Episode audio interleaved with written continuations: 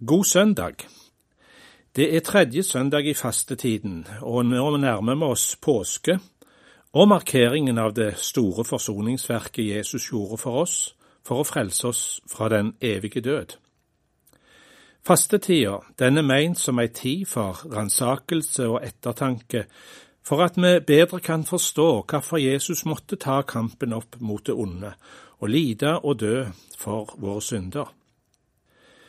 Derfor møter vi i tekstene for denne søndagen et fokus på de fristelsene vi møter, og de fall som vi erfarer i våre liv, når vi i vår svakhet gir etter for djevelens listige angrep, når vår tro svikter. Ja, hva da? Vi har allerede hørt lest teksten fra Det gamle testamentet fra Zakaria 3, der ypperstepresten Josfa blir anklaget av Satan. Sikkert med rette for feil og synd i livet, men han blir redda av Guds tilgivelse og nåde og blir ikledd festdrakten. Det er rettferdighetens drakt, gitt alle som tar imot Guds nåde og oppreisning.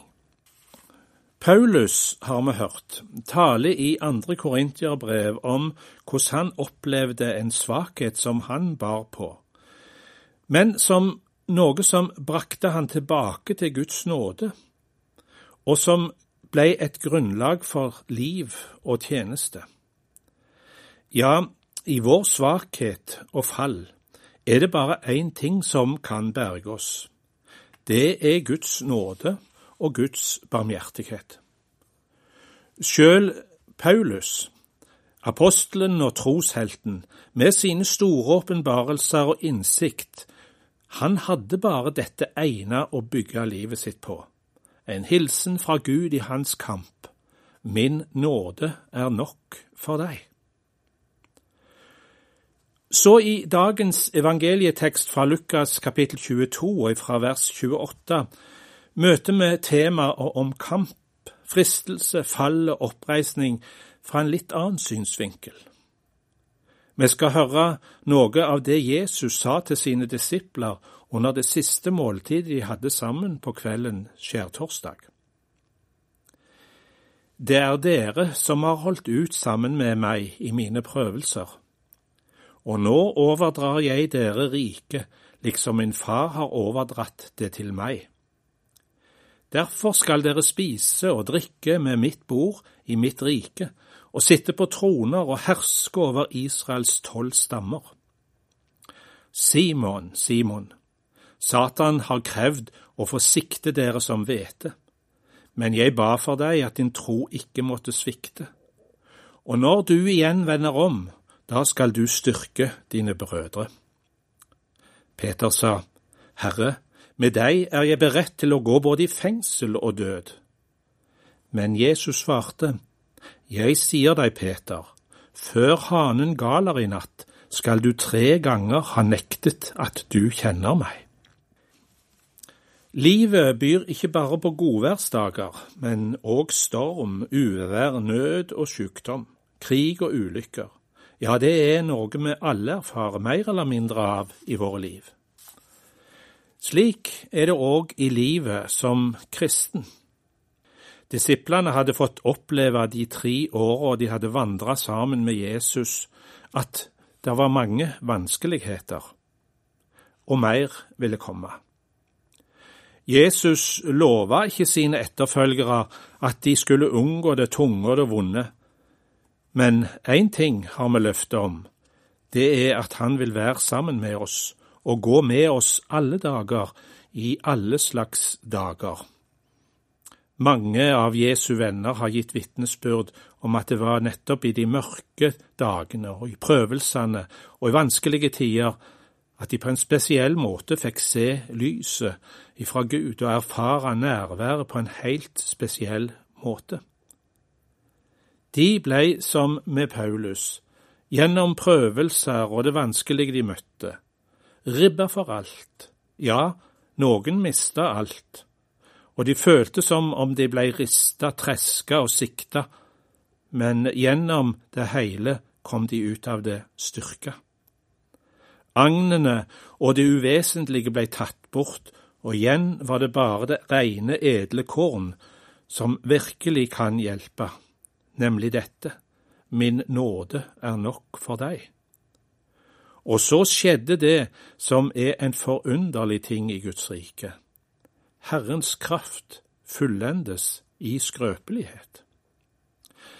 Det er det Jesper Krogedal synger om og sier, og når mi tru sig saman og alt mitt eige verk, da har jeg bare Jesus, og da er trua sterk. De hadde opplevd prøvelser, og mer ville komme. Men det var ikke det Jesus ville at skulle være fokuset på denne skjærtorsdagskvelden. Nei, det måltidet de inntok, det var en forsmak på noe mye større. Noe som de skulle få erfare når alle fristelser og prøvelser er overvunnet, nemlig den herlighet og ære som tilkommer alle som tror. Det vendte en bankett i Guds festsal innenfor murene til det nye Jerusalem. Trøst, ja, trøst mitt folk, sier deres Gud. Tal vennlig til Jerusalem, og rop ut til henne at hennes strid er endt og hennes skyld er betalt, og at hun har fått fra Herrens hånd dobbelt for alle sine synder, kan vi lese hos profeten Jesaja. Løftet om denne herlige framtid gjelder alt Guds folk. Men vi ser at Jesus her òg taler om den spesielle stilling som hans utvalgte apostler har. Jesus skal snart forlate dem, og han overlater ansvaret for utbredelsen av Guds rike til disiplene og den menighet som skal bygges i verden. Det å være dommer, som det står her, det betyr å styre og lede. Og Israels tolv stammer er et bilde på det Guds folk som vokser fram av troende, i kraften av Jesu frelsesverk og hans oppstandelse. Dette Guds folk fra alle nasjoner, folk og stammer, alle de som har vandra med Jesus gjennom prøvelser og lidelser, i kamp mot onde, de skal en dag få samles i det fullendte Guds rike. Det er det Jesus snakker om, å løfte øynene til disiplene slik at de kan se det som venter der framme. Hvem er de, spør vi med Bibelen, hvem er de som er kommet til festsalen i himmelen? Herre, svarte jeg, du vet det. Da sa han til meg, dette er de som er kommet ut av den store trengsel og som har vasket sine klær og gjort dem hvite i lammets blod. Derfor står de nå for Guds trone og tjener ham dag og natt i hans tempel, og han som sitter på tronen skal reise sin bolig over dem. De skal ikke lenger sulte eller tørste, og sol eller brennende hete skal ikke falle på dem. For lammet, som står midt foran tronen, skal være deres hyrde og føre dem til kilder med levende vann. Og Gud skal tørke bort hver tåre fra deres øyne. Slik står det i Åpenbaringen 7. Etter å ha gitt disiplene et glimt inn i ei herlig framtid og en ny tilværelse, så forskjellig fra det livet de nå lever i fornedrelse, forakt og prøvelse, så vender Jesus seg direkte til Peter som representant for hele disippelflokken. Vi får et underlig glimt av en åndelig kamp som utspiller seg i det skjulte. Det blir Peter som settes inn i synet av ypperstepresten, som vi har hørt om tidligere. Og vi får høre at Satan vil kreve å sette Peter på en helt spesiell prøve. Hva det betyr at Satan ville kreve å sikte disippelflokken som hvete, er ikke sagt oss, men bildet uttrykker en spesiell vanskelig fristelse. De skulle bli fillerista i melsikten om Satan fikk det som han ville.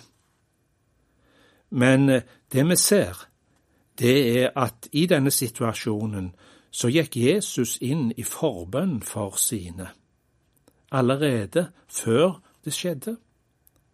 Satan ønska med sitt innspill å frarøve Peter troen på Jesus, og vi vet at det gikk nesten så langt for Peter da han fornekta Jesus tre ganger seinere denne mørke natta. Peter mente at han ville stå i prøvelsen. Det er ingen tvil om at han av hele sitt hjerte ønska å stå ved Jesus' side og følge han, om det så var i døden. Men Peter falt. Og alle disiplene forlot Jesus da han ble arrestert. Vi faller òg. Vi krenker Gud og vår neste med det vi gjør og det vi unnlater å gjøre. Alle kan vi se tilbake på noe som skulle vært ugjort i livet. Men eh, håpet i dagens tekst ligger i ordet omvendelse. Når du en gang vender om, sier Jesus til Peter og forutsier ikke bare at han ville svikte, men at han ville bli tilgitt av Jesus og reist opp igjen. Vi har òg en annen fortelling om at Peters tro svikta. Det var da disiplene kom ut for uvær på Genesaretsjøen og båten holdt på å synke. Da kom Jesus til de vandrende på vannet imot de. De ble redde og trodde det var et spøkelse, men Jesus sa, Det er meg, vær ikke redde. Da sa Peter til ham, Herre, er det deg? så si at jeg skal komme til deg på vannet. Kom, sa Jesus. Peter steg ut av båten og gikk på vannet bort til Jesus, men da han merket hvordan det blåste, ble han redd og begynte å synke og ropte, Herre, frels meg! Med en gang rakte Jesus hånden ut og grep fatt i ham. Så lite tro du har, sa han, hvorfor tvilte du? Så steg de opp i båten, og vinden stilnet. En Peter som holder på å gå under, men òg ei Jesu hånd som var rakt ut til redning og oppreisning. Jesus var der for Peter, og vi vet at han ba for Peter.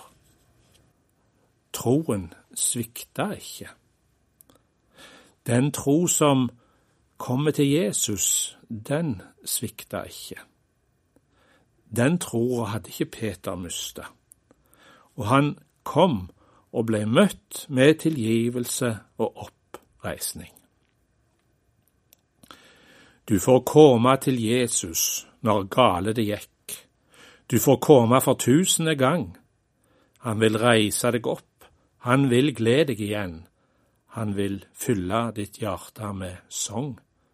Slik skriver Trygve Bjerkreim om denne erfaringen til Peter.